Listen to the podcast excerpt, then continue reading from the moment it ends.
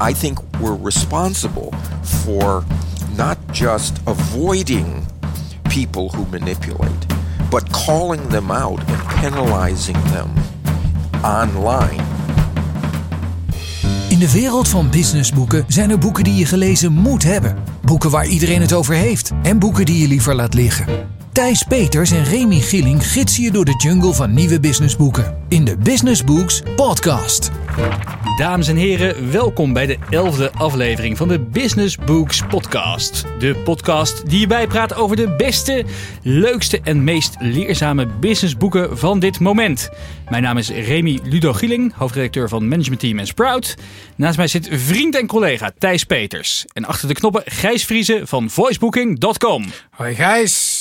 In deze aflevering leren we doelbewust om te gaan met de digitale overvloed. Met het boek Digitaal Minimalisme van Carl Newport. Spreken we met marketinggoeroe en professor Robert Cialdini. Duiken we in de recente geschiedenis van China met het boek De Eeuw van Xi van Stefan Blommaert. En leren we hoe je een bedrijfsnaam verzint die wel blijft plakken. Met het boek Maak je naam onvergetelijk van Floris Hulsman.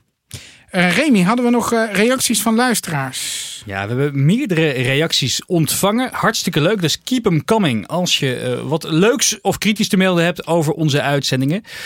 zo was ik laatst op een van de evenementen van Made in NL. Hè, dat submerk van MT wat zich helemaal richt op de Nederlandse maakindustrie. En ik sprak daar met Emiel Kanters, mede-eigenaar van marketingbureau Webs. Zij zijn expert op het gebied van HubSpot, een bekend marketingprogramma.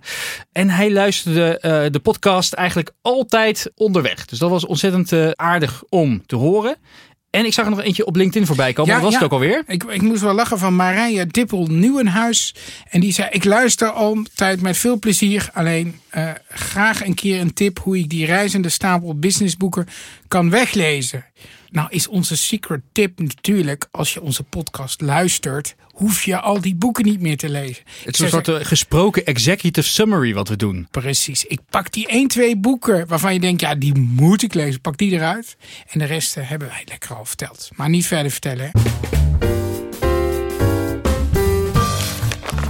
Hè? Het eerste boek, Remy, Digitaal Minimalisme van Carl Newport. We kennen die man. Ja, hij heeft ook al Deep Work geschreven. En hij is zo productief dat hij gewoon in anderhalf jaar tijd twee van dit soort meesterwerkjes eruit kan tikken. Dus zijn theorie zal ergens uh, werken. Uh, de recensenten. Het handboek om je aandacht terug te winnen. Ernst-Jan Fout, CEO van De Correspondent. En Tony Crab, auteur van Nooit meer te druk. Digitaal minimalisme is een genot om te lezen. Het herinnert ons eraan dat afleiding niet alleen gevolgen heeft voor ons werk, maar ook ons geluk aantast en ons leven minder rijk maakt. Een hoognodige strijdkreet in het gevecht om de menselijke aandacht te redden uit de greep van onze gadgets. Dit boek is geschreven om ons inderdaad te redden. Want wat er gebeurt is, wij worden eigenlijk met z'n allen genaaid door een aantal hele grote bedrijven met hele diepe zakken. Hij zegt, uh, er worden jaarlijks miljarden geïnvesteerd met het enige doel om ons zoveel mogelijk af te leiden.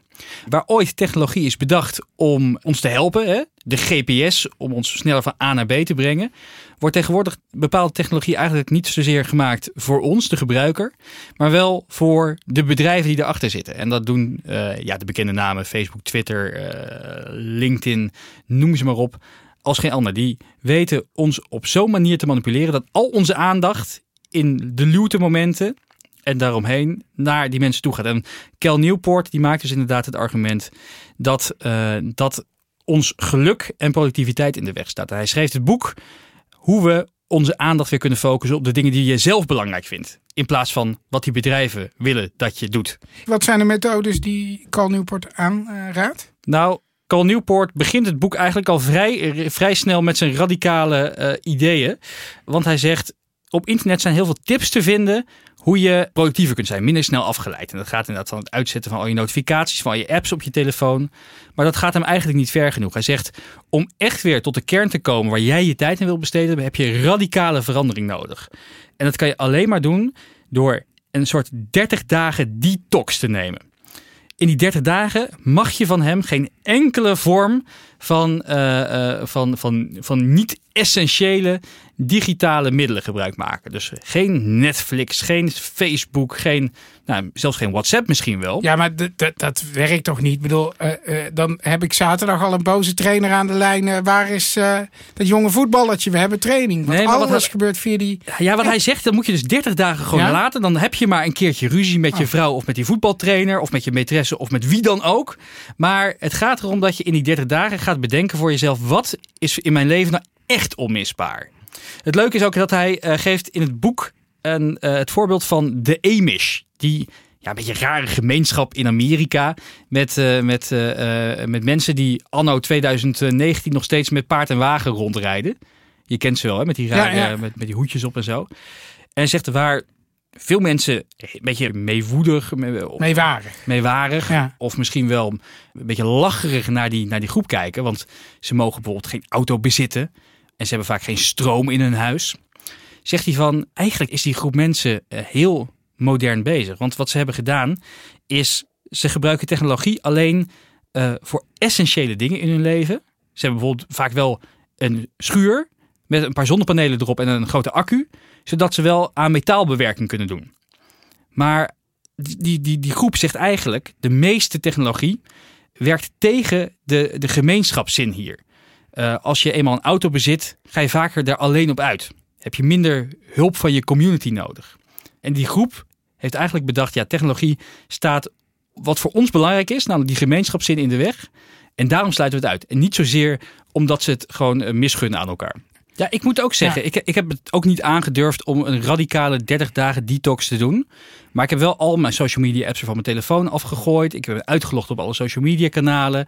Ehm, en ik merk wel, toch, uh, en misschien is het een soort placebo-effect, en dat zou ook heel goed kunnen, dat uh, ik, ik, ik meer aandacht heb voor, voor, voor, voor, voor dingen die belangrijk zijn. Ik lees meer artikelen op internet bijvoorbeeld, in plaats van dat je weer door je Facebook-tijdlijn eindeloos zit te scrollen. Dus um, ja, ik ben nog niet volledig overtuigd, maar stapsgewijs komen we wel ergens. En ik heb, ik heb, maar ik, wil nog één ding met jou afspreken. Wil je me dan nooit meer belachelijk maken om het feit dat ik niet op Instagram zit? je was eigenlijk gewoon een grote visionair. Ik was een visionair. Precies. Nou, dat wil ik even gezegd hebben. Voor wie is dit boek? Iedereen uh, die klaagt of zelf vindt dat hij te veel op zijn telefoon kijkt. Of in de familie klaagt dat paps, mams, uh, zoon of dochter dat doet. Moet hem gewoon eventjes cadeau geven.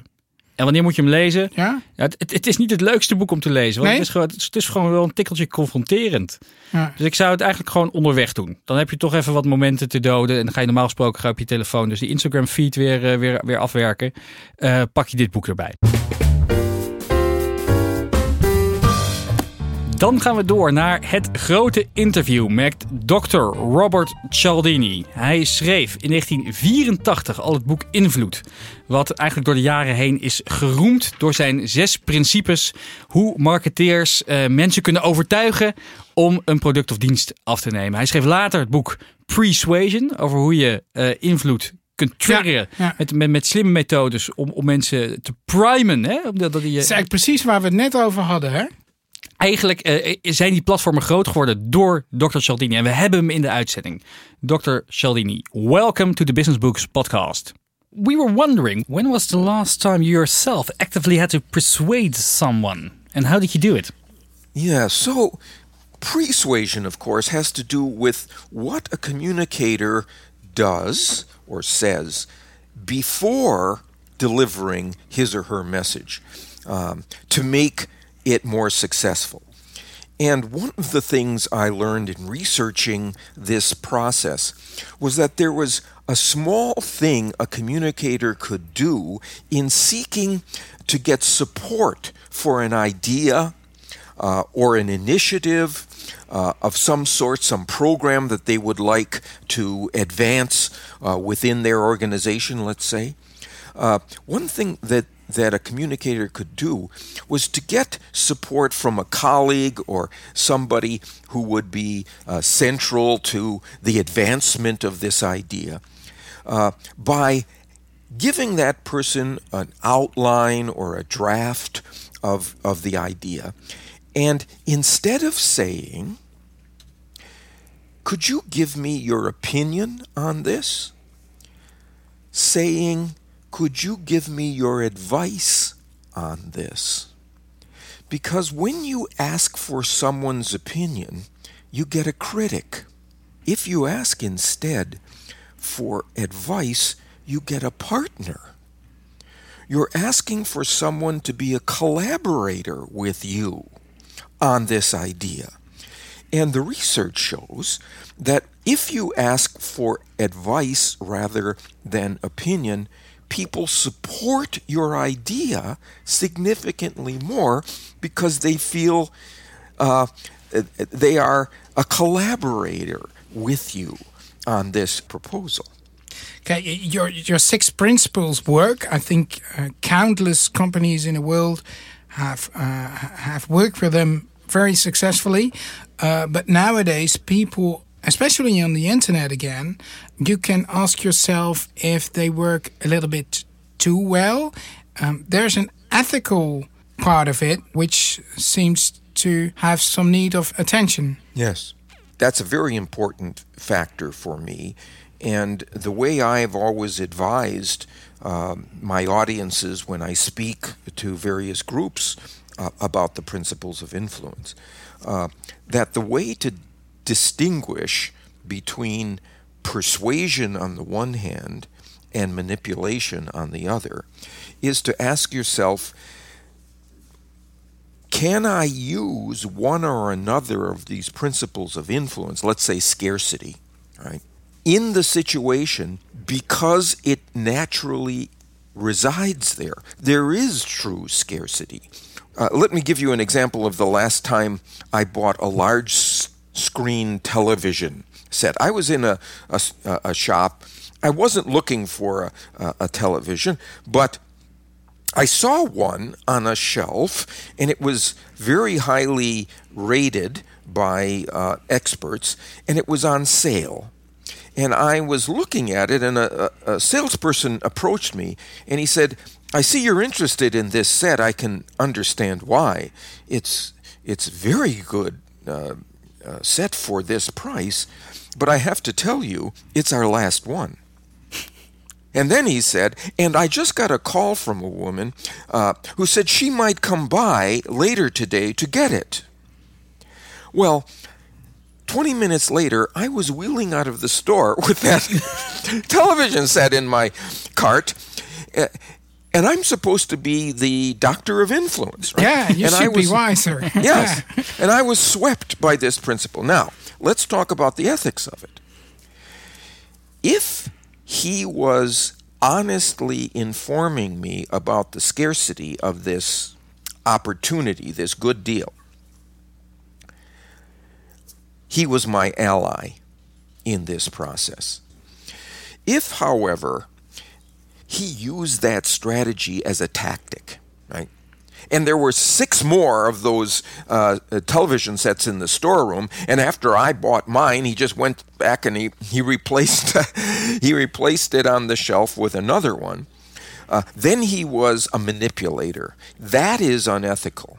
So here's what I did I went back the next day after I purchased this set. I went back to see was there another one on the shelf in that space, or was there an empty space that he was honest with me? It was an empty space.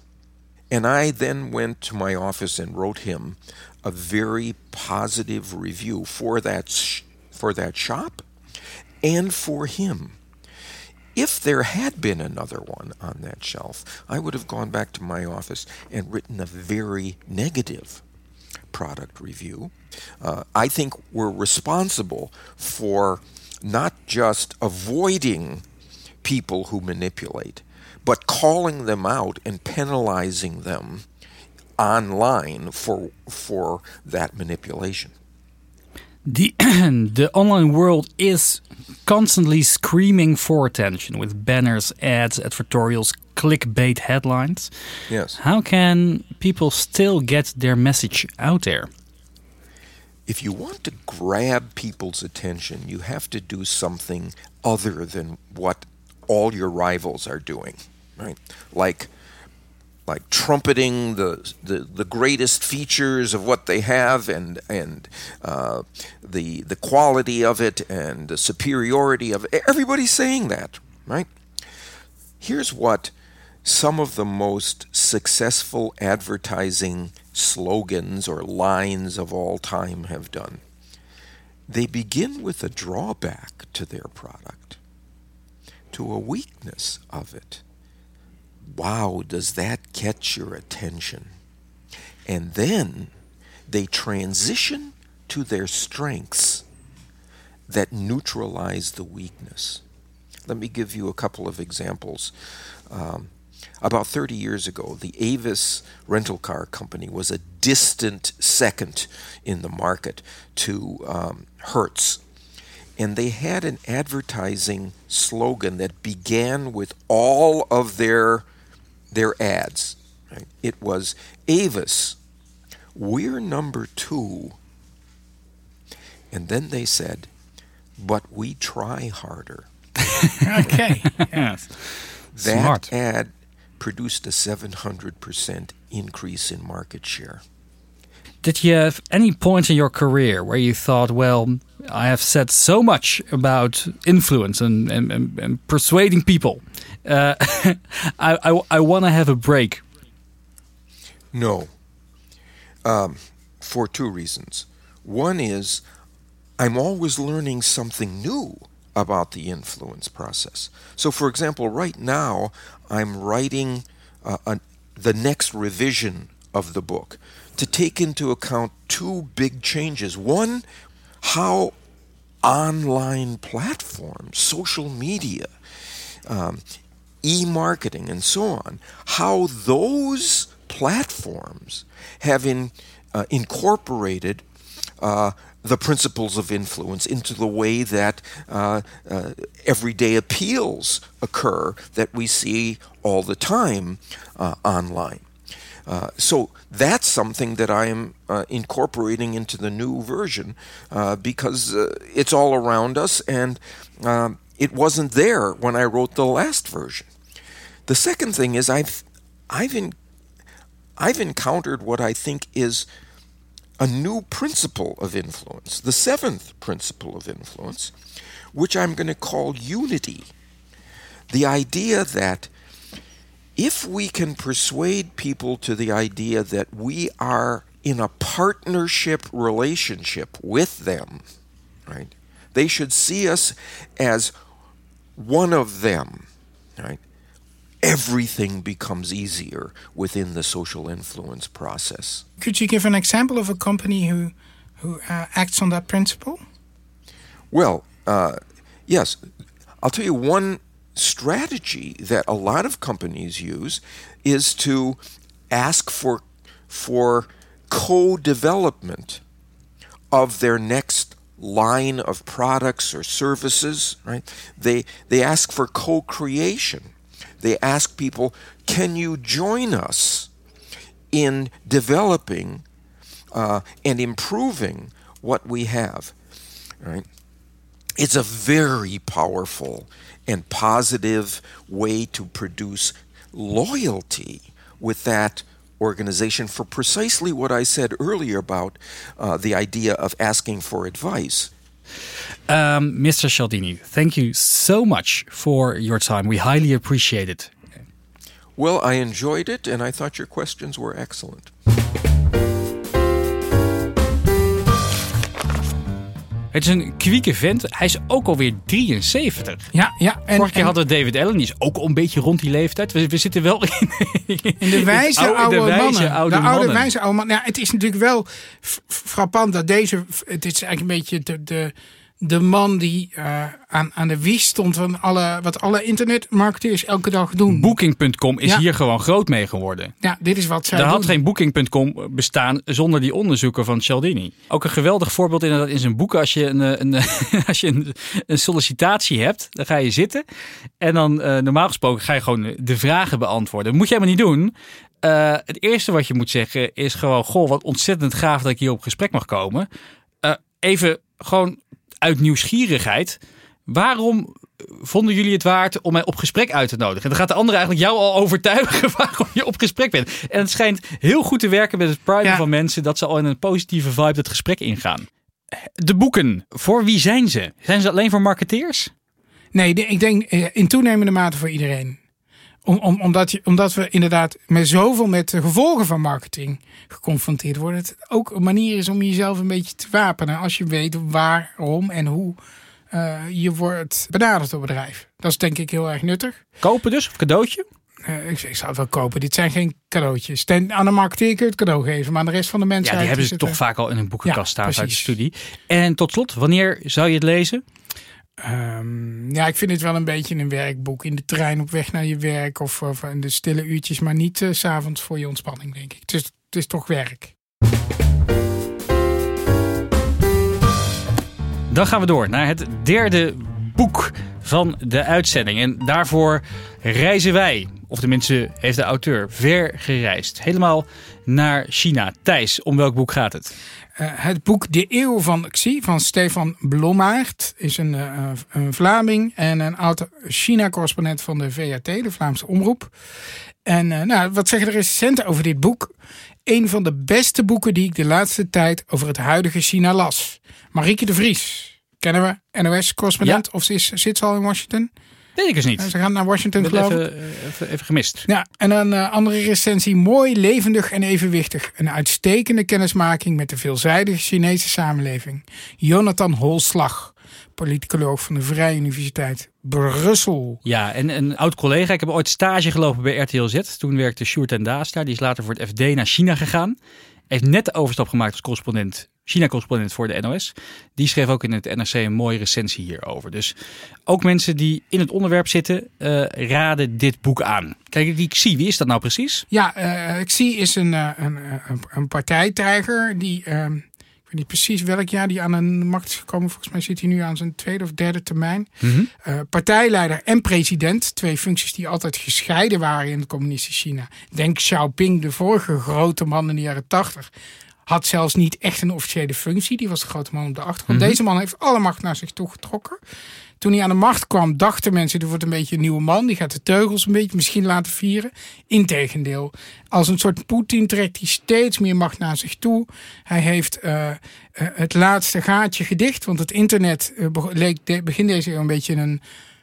Een eh, Opening te zijn. opening voor de voor het Chinezen te zijn. Hè, in, eh, qua vrijheid van meningsuiting. Dat heeft hier eh, nou, internet onder controle gekregen. Er zitten met artificial intelligence, maar ook weet ik hoeveel tienduizenden sensoren zitten op dat internet om te checken of Twitter en Facebook kun je niet gebruiken in China, maar Weibo en alle Chinese varianten.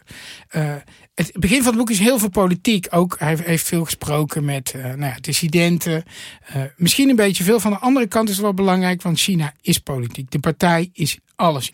Eh, wat ik ook wel aardig vind, dat is misschien wel leuk, inderdaad, als je dit leest, als je met Chinees te maken hebt voor je werk, is dat je ook laat zien, een andere kant van die Chinese economie laat zien. Eh, wij denken altijd, de fabriek, China is de fabriek van Ja. de wereld. Dat is nog wel zo. 40% van onze kleding komt er nog vandaan. Maar het is veel minder dan vroeger. Arbeidslonen worden te duur in China. In Bangladesh en Vietnam maken ze onze kleding tegenwoordig. Alleen hij laat wel zien van ja, eh, wij doen soms een beetje lacherig over China. Hè? Dan, hij is ook naar zo'n spookstad geweest. 300.000 woningen, 15.000 inwoners. En, en daar worden dan van die een beetje grappige stukken over geschreven in de krant. Hij zegt ja, maar ik, ik moest daarom lachen. En, maar je moet ook kijken hoe die Chinezen kijken. Die bouwen gewoon voor de toekomst. Het is China niet gek om een snelweg aan te leggen voor verkeer wat er misschien over twintig jaar is. Ze hebben al een snelweg naar Noord-Korea liggen bijvoorbeeld. Eh, wij vinden het belachelijk, maar Chinezen denken, nou we hebben dat ooit nodig, laten we het alvast maar bouwen. En van de andere, de andere kant van de medaille is die daadkracht. Want waar wij eh 25, 30 jaar over metrolijn doen, doen ze er dat in twee jaar. En dat is ook wel weer knap. De manier waarop Shanghai in 20 jaar een enorme metropool is geworden. Eh, En Wat- duurzaamheid, hè? Ja. Het is nu de grootste, eh, voor mij de, de, de, meer, meest... meer groene energie dan de EU en de VS samen. En dat is begonnen in 2013 toen de, eh, de fijnstof uh, zoveel fijnstofhoeveelheid in de lucht zat in Peking. Dat voor het eerst konden ze niet meer afdoen als een klein probleempje. Het was talk of the town. En, Xi Jinping kwam op een gegeven moment buiten. En die, die moest het roet van zijn voorhoofd af hoesten. Ja, ja, precies. Mensen begonnen mondknapjes te dragen. Hè. De, de, buitenlanders deden dat al. Maar de Chinezen werden er ook heel erg van bewust. En in vijf jaar tijd hebben ze meer capaciteit aan windmolens en zonnepanelen neergekwakt dan waar ook ter wereld. En uh, nu is 5, geloof ik, 5 tot 10 procent van de energiebehoefte is nu groen. De rest is steenkool, dat is nog steeds enorm vies. Maar op de een of andere manier, in onze landen denk je van ja, nou die energietransitie moet nog maar zien of dat lukt.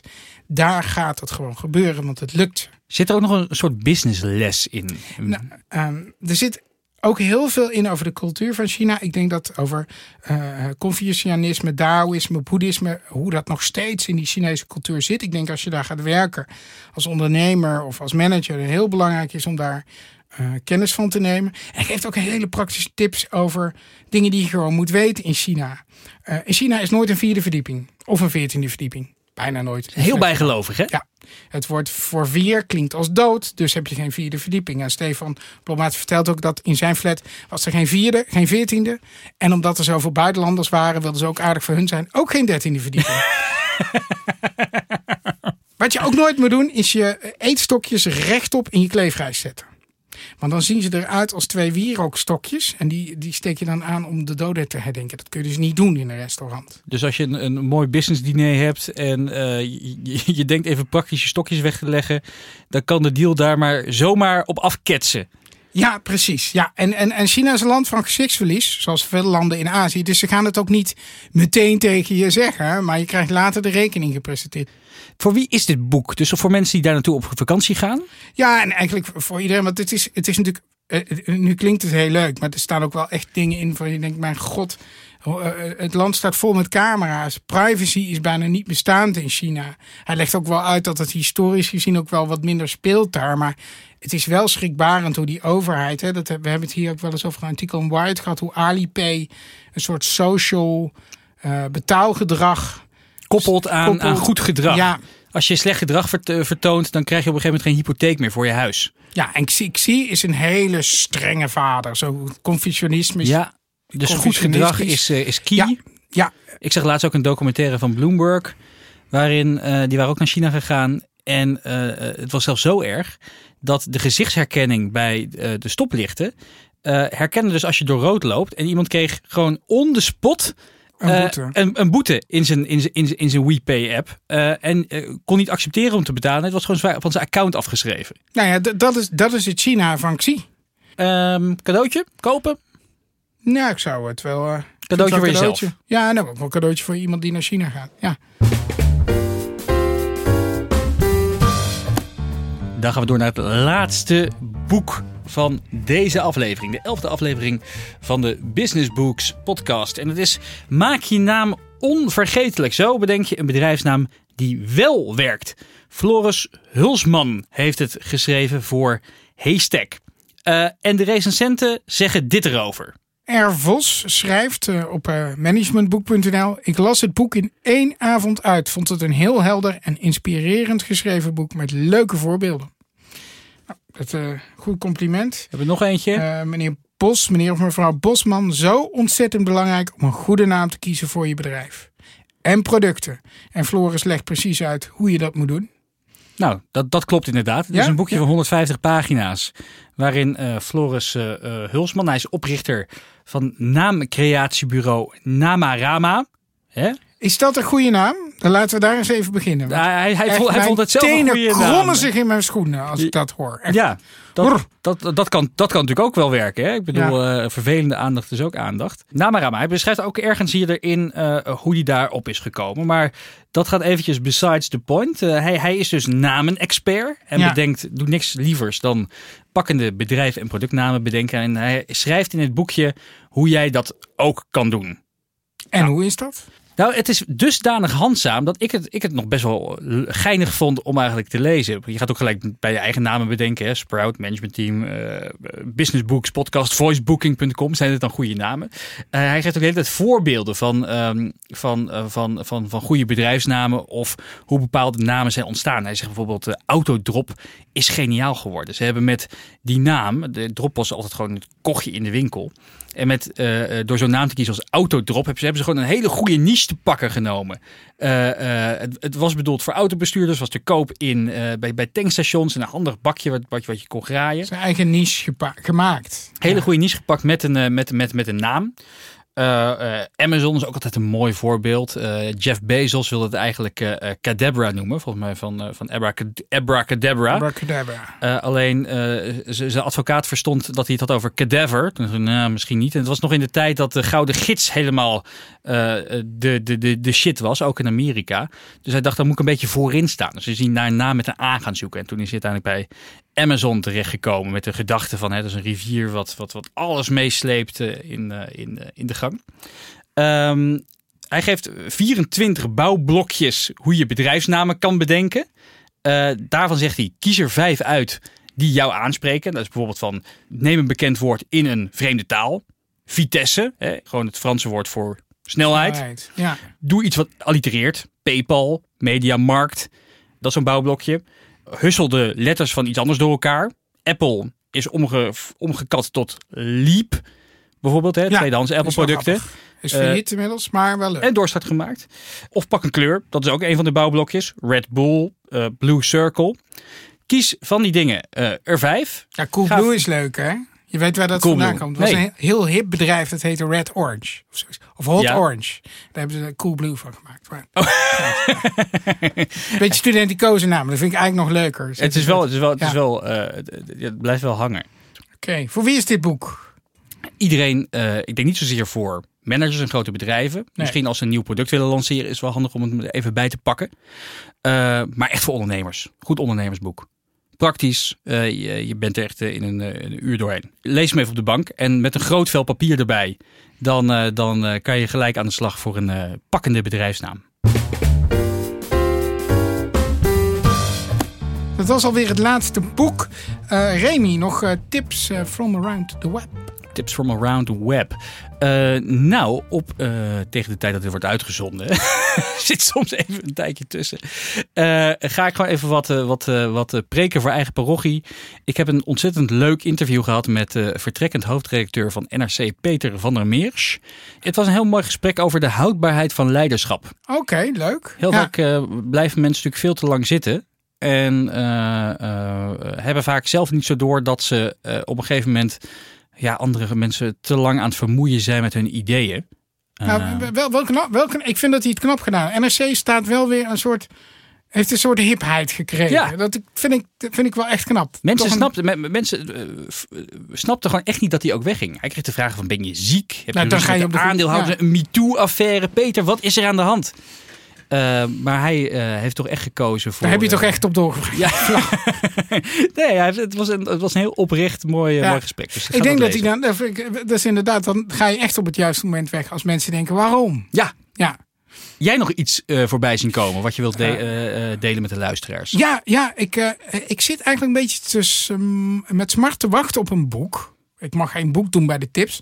Eh, eh, maar de, de Vlaamse, weer een Vlaming, de Vlaamse psychiater Dirk de Wachter, die heeft een boek geschreven, Liefde. Dat komt in maart uit. En ik las een interview met hem in eh, Medisch Contact. En er stond de volgende zin in. Als we leren het ongeluk in het bestaan te calculeren, kan depressie juist voorkomen worden. Anders moeten we steeds alles inslikken en de braakbal weer bij de psychiater leggen. Dus hij geeft eigenlijk aan doordat we zeggen dat geluk maakbaar is en dat, je, eh, dat het je keuze is en dat we ongeluk en pech en, en verdriet niet meer accepteren, eh, maken we onszelf eigenlijk steeds ongelukkiger en moeilijker en burn-out. Dus hij zegt, wij, wij zijn, we moeten meer leren om, om te accepteren dat het soms gewoon een beetje kut is in het leven. Ik denk Hoe heet het boek? eh, het boek wat nu komt is Liefde. Hij heeft eerder het boek geschreven, eh, even kijken, Borderline Times. Borderline Times. Ook een mooi, mooie titel. Daarmee zijn we aan het einde gekomen van de elfde aflevering van de Business Books podcast. Dank jullie allen voor het luisteren. En uh, mocht je ons een groot plezier willen doen, laat een recensie achter bij onder meer iTunes. Dan help je de podcast beter gevonden te worden. Ja, en uh, in april zijn we weer terug, onder andere met het boek Nine Lies About Work van Marcus Buckingham. Uh, maar voor het zover is, abonneer je op onze podcast via SoundCloud, iTunes of Spotify. Heel graag tot de volgende keer. Tot zover de Business Books Podcast. Meer afleveringen luisteren? Abonneer je via iTunes of SoundCloud en krijg een melding wanneer er een nieuwe aflevering live gaat. De Business Books Podcast is een uitgave van Sprout en Management Team en wordt geproduceerd door voicebooking.com.